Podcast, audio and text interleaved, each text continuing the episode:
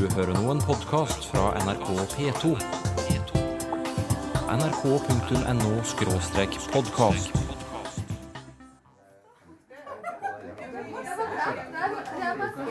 Ja, vi snakker eh, norsk, slik at vi kan øve å snakke norsk. Eh, ja. Det er jo en, eh, en god sjanse å snakke norsk her på språkkafé. Vi besøker en språkkafé for innvandrere.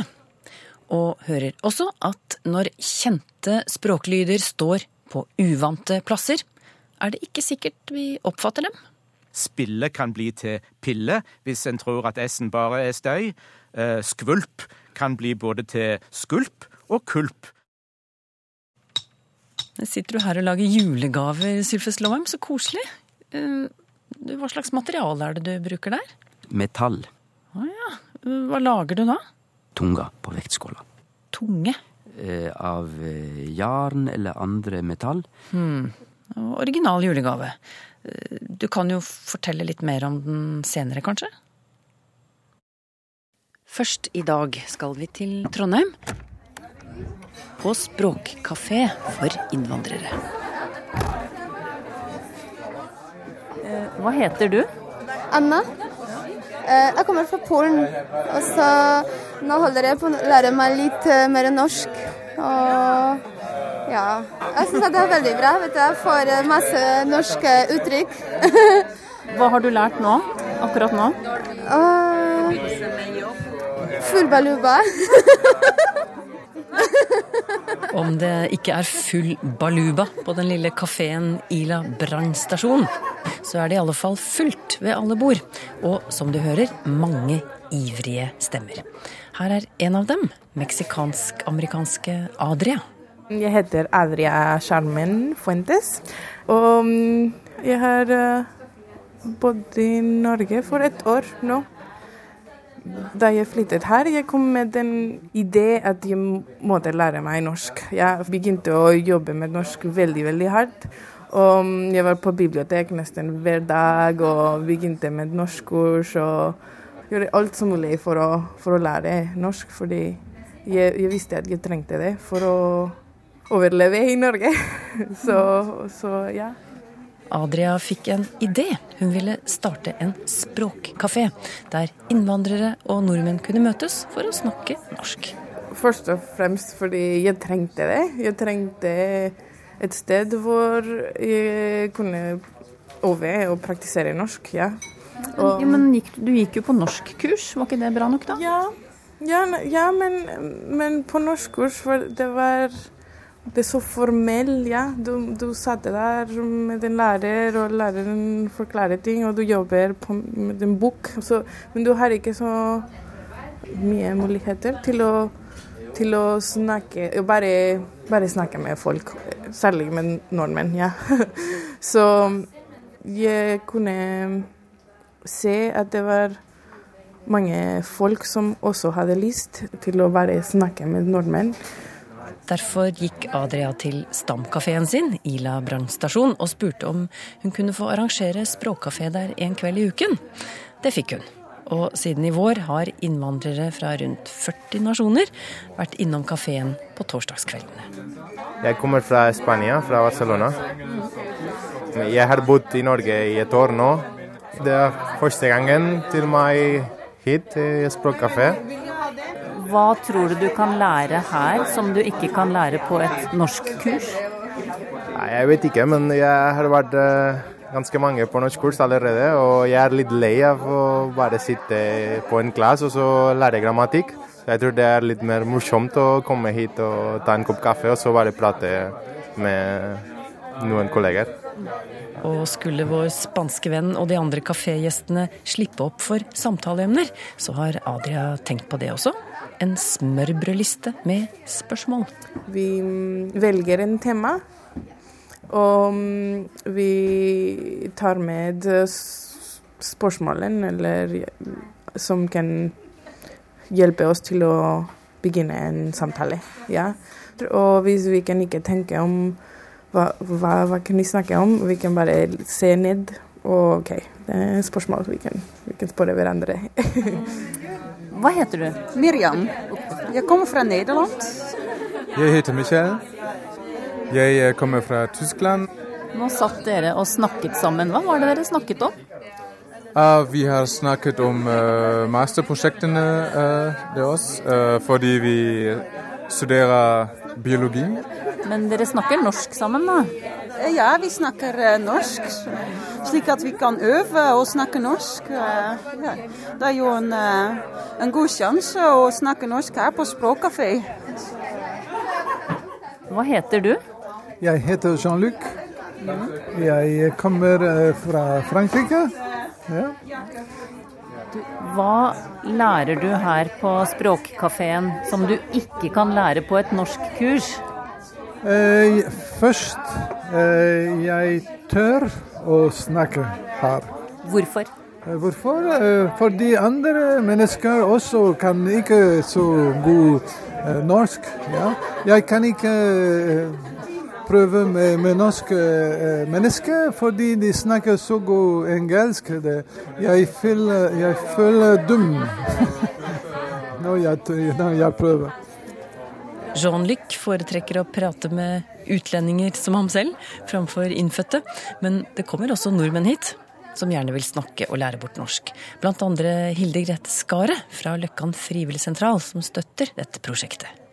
Jeg ser jo det at det her er en aktivitet som er aldeles ypperlig for folk som er ny i byen, og særlig for innvandrere. Å ha den muligheten til å praktisere norsk på en mer naturlig og uformell måte, sånn som Adria har snakka om. Det er det mange som ikke har noen gode muligheter til hvis en går på norskkurs, eller hvis en er polsk maler og jobber sammen med andre polske malere og bor sammen med andre polske malere. Så eh, det er en kjempeviktig plass å komme til, og kjempeflott at det finnes. Og så er det en hyggelig plass for lokalbefolkninga i Ila å komme til.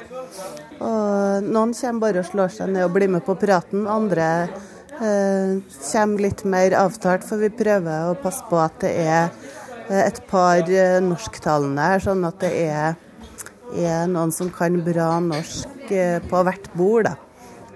Og det er det i kveld også. Ann Beate er en av dem. Det er ganske morsomt. Hva er det som er morsomt? De har så mange spørsmål og ord som de lurer på. Og så liksom, jeg er så overraska over at så enkle ord eh, kan være så uforståelige. Når vi snakka om ski og gå på ski med naboene her nå, og de eh, har jo lært et nytt ord i dag nå, bakke. Hva en bakke er. Ikke sant? Så Hvordan forklarte du bakke? må bruke hendene, da, vet du. Det går nedover, ikke sant. Så de har lært å gå på ski, men du datt tusen ganger. Har du prøvd på flat mark eller i bakke? Bakke, sier jeg. Ja, det er nedover. Ja, ja du må ikke prøve i bakke, sier jeg. Du må prøve på flat mark. Jeg heter Grete Rolfsen. Ja. Hva snakker dere om? Vi snakker om eh, hvordan det er å være her. Hva man driver med. Hva man syns er vanskelig. Og så er Adria veldig flink til å gi oss litt sånn stikkord, hva, hva vi kan bruke eh, på hver eh, gang vi møtes, som bakgrunn for spørsmål. Så i dag har vi bl.a. spurt om hva de ville anbefale hvis vi dro til deres land som turist. Når de spør deg om språk, da, hva er det de lurer på da? De er opptatt av uttale, og finne de riktige ordene, også om de klarer å uttale dem riktig. Ja. Så hva synes initiativtaker Adria at de ukentlige besøkene på språkkafé har gjort med hennes norskkunnskaper? Åh, jeg har lært så mye. For det meste, det har hjulpet meg å, å snakke, ja, og være ikke være redd for å snakke. Ja. At, at du kan gjøre feil, men det går greit, fordi det er hvordan vi lærer. Så jeg synes det er det viktigste at språkkafeen har lært meg. Og ved endebordet sitter polske Anna fremdeles og morer seg over norske språklige rariteter. Klin kokos. Klin kokos, sa Anna fra Polen, og med det fikk hun siste ordet fra Språkkafeen på Ila brannstasjon i Trondheim. Ellers hørte du blant andre Adria Charmen Fuentes og Grete Skare. Og språkkafé, det kan jo kanskje være en idé å kopiere for andre også. Ved nyttår pleier vi å kåre årets ord. Denne gangen kan du også være med og foreslå. Hvilket ord mener du er årets ord i 2012? Noen av forslagene blir belønnet med krus eller T-skjorte, så husk adresse og eventuelt størrelse. Skriv til Språkteigen, krøllalfa, nrk.no, eller Språkteigen, NRK P2 7005 Trondheim. Vi kårer årets ord i sendingen 30. desember. Hvis en språklyd dukker opp på et uvant sted i et ord, er det ikke sikkert du legger merke til den. Rett og slett fordi du har lært at det ikke skal være noen slik lyd akkurat der i ditt morsmål. Dette demonstrerte du i Språkteigen for en uke siden, fonetiker Jan Christian Hognestad. Du, eh, du får si ordet ditt en gang til. Ja, det var banna. Du har et utpust der som minner om en H-lyd. En gang til, bare. Banna. Den H-lyden den oppdaget ikke jeg før du gjorde meg oppmerksom på den, nettopp fordi jeg har lært at H på slutten av et ord er en umulighet i norsk. Og da er vi ved dagens poeng. Når kjente lyder opptrer på uvante steder i et ord, så er det ikke alltid vi gjenkjenner dem. Og du sier at det kan være et problem når vi skal lære oss et nytt språk. Problem på hvilken måte? La oss begynne med eh, et eksempel. Tenk deg at en person kommer til Norge og skal lære seg et ord som er veldig aktuelt nettopp i disse dager, nemlig snø. Mm. Eh, og la oss tenke oss at vedkommende har et morsmål der denne konsonantsekvensen SN, altså sn i snø, aldri forekommer. Da kan det tenkes at vedkommende vil tolke det ikke som SN, men bare som en N som for anledningen begynner på en litt rar måte.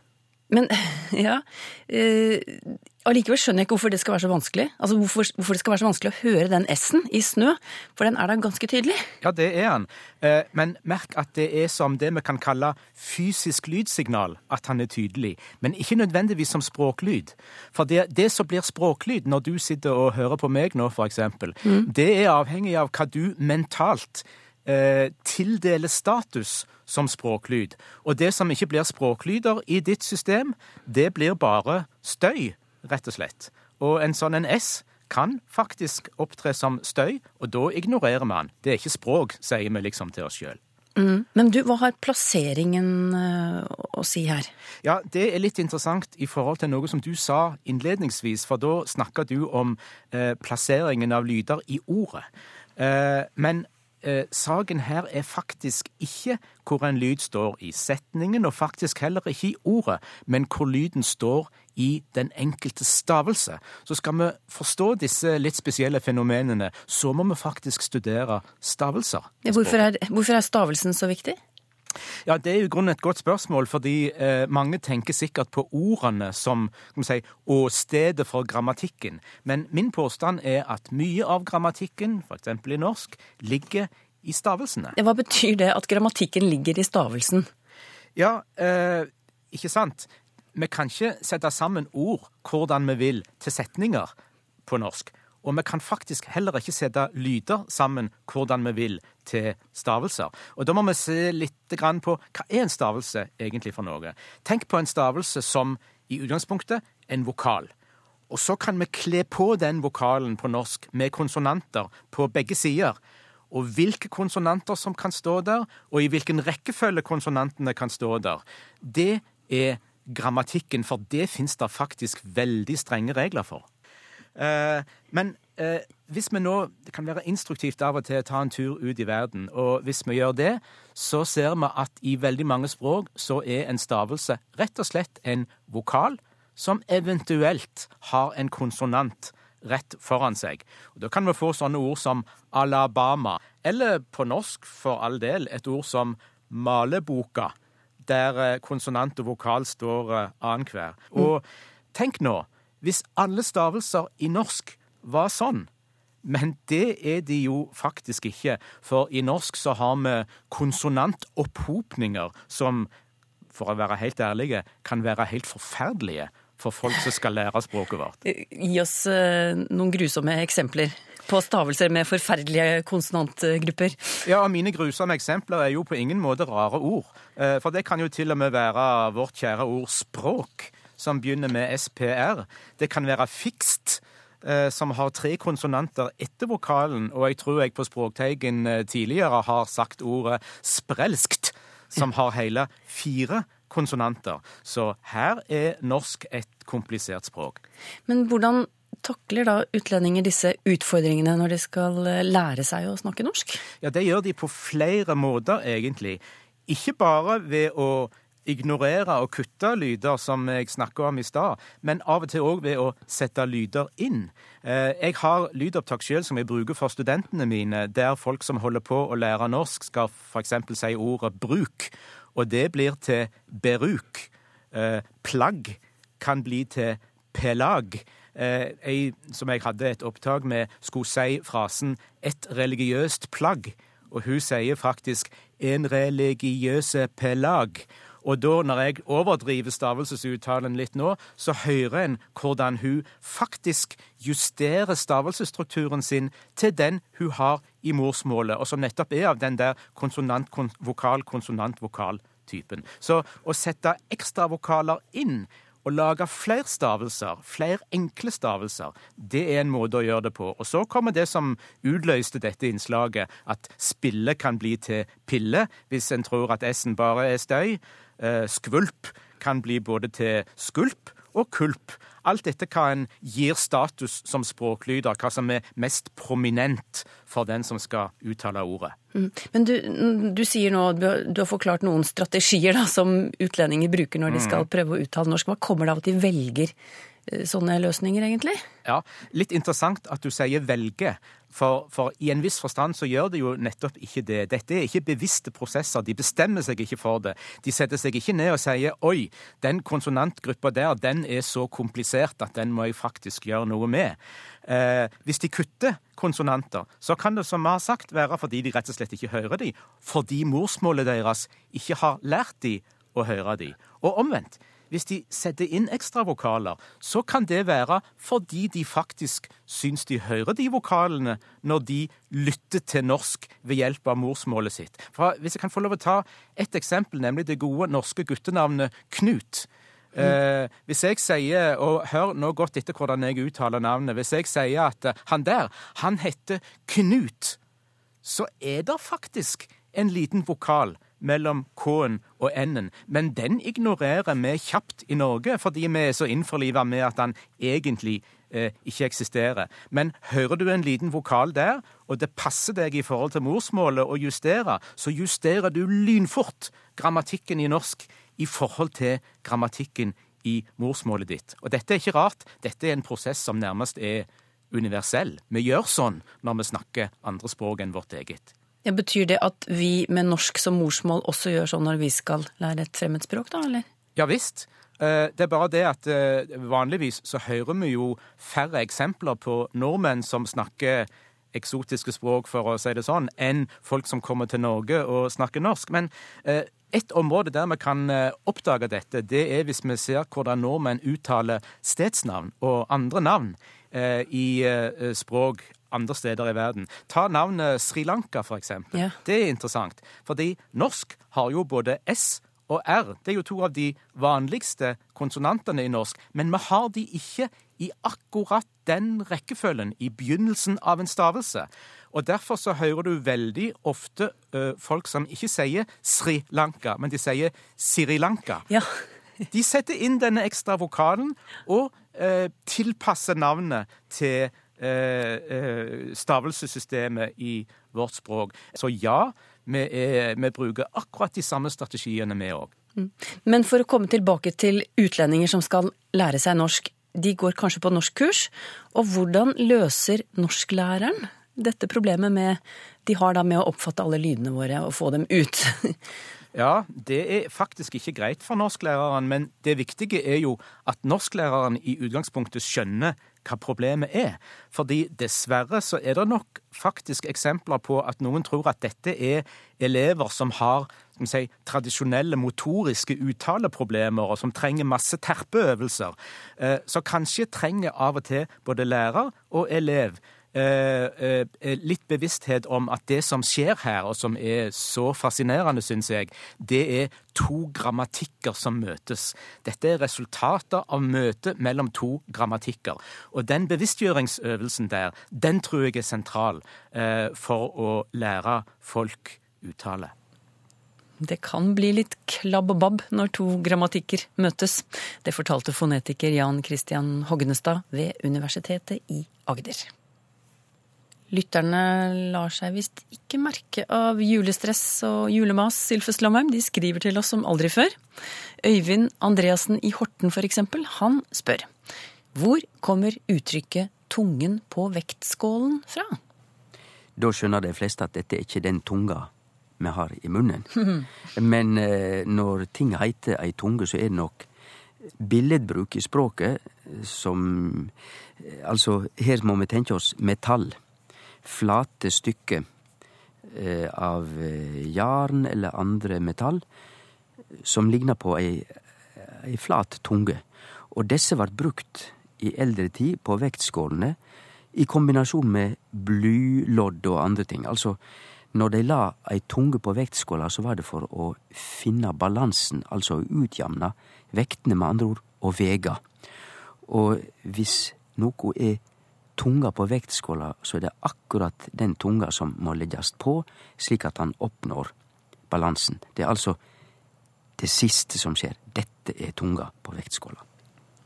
Tore Lund har sendt oss noen spørsmål. Blant annet eh, sier han hvorfor skriver vi grunn med to ender når de andre germanske språkene skriver grund? Han nevner dansk, svensk og tysk. Eller som i engelsk ground.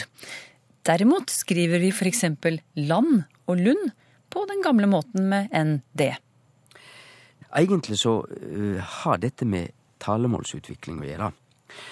Norsk korrekt skrift er grunn med to ender, fordi at det er ingen nordmann som sier noe annet enn grunn med en n-lyd, og ikke ha d-lyd. Og det er jo slik at vi gjerne vil ha eh, samsvar så langt det går an mellom talemål og skriftmåte i, i norsk. Men hadde vi skrevet dette veldig i hermetegn historisk, så måtte vi jo hatt ND. Men så, som Tore Lund eh, sier, hvorfor skriver vi da land med ND når du N nettopp sa land med NN? Jau, det er forklaringa Lomheim. altså, de hører at jeg sier land, og jeg sier også Lund. Der er det slik at det er en del av landet vårt som sier land med to n-er, eller n-n-lyd, medan resten av landet stadig vekk sier nd slik som det historisk sett var. Og når situasjonen er delt på den måten, så er det jo ingen grunn til å ikke opprettholde den såkalla historisk rette skrivemåten med nd både i Lund og Land. Camilla Eg Tverbakk lurer på hvorfor ordet ting er en del av vår politiske organisering, som hun skriver, altså storting. Historisk fra vikingtiden har vi også tinget som et sted for rettslig oppgjør. Men hva er sammenhengen mellom dette tinget og ting, altså objekter? Egentlig så er det det samme.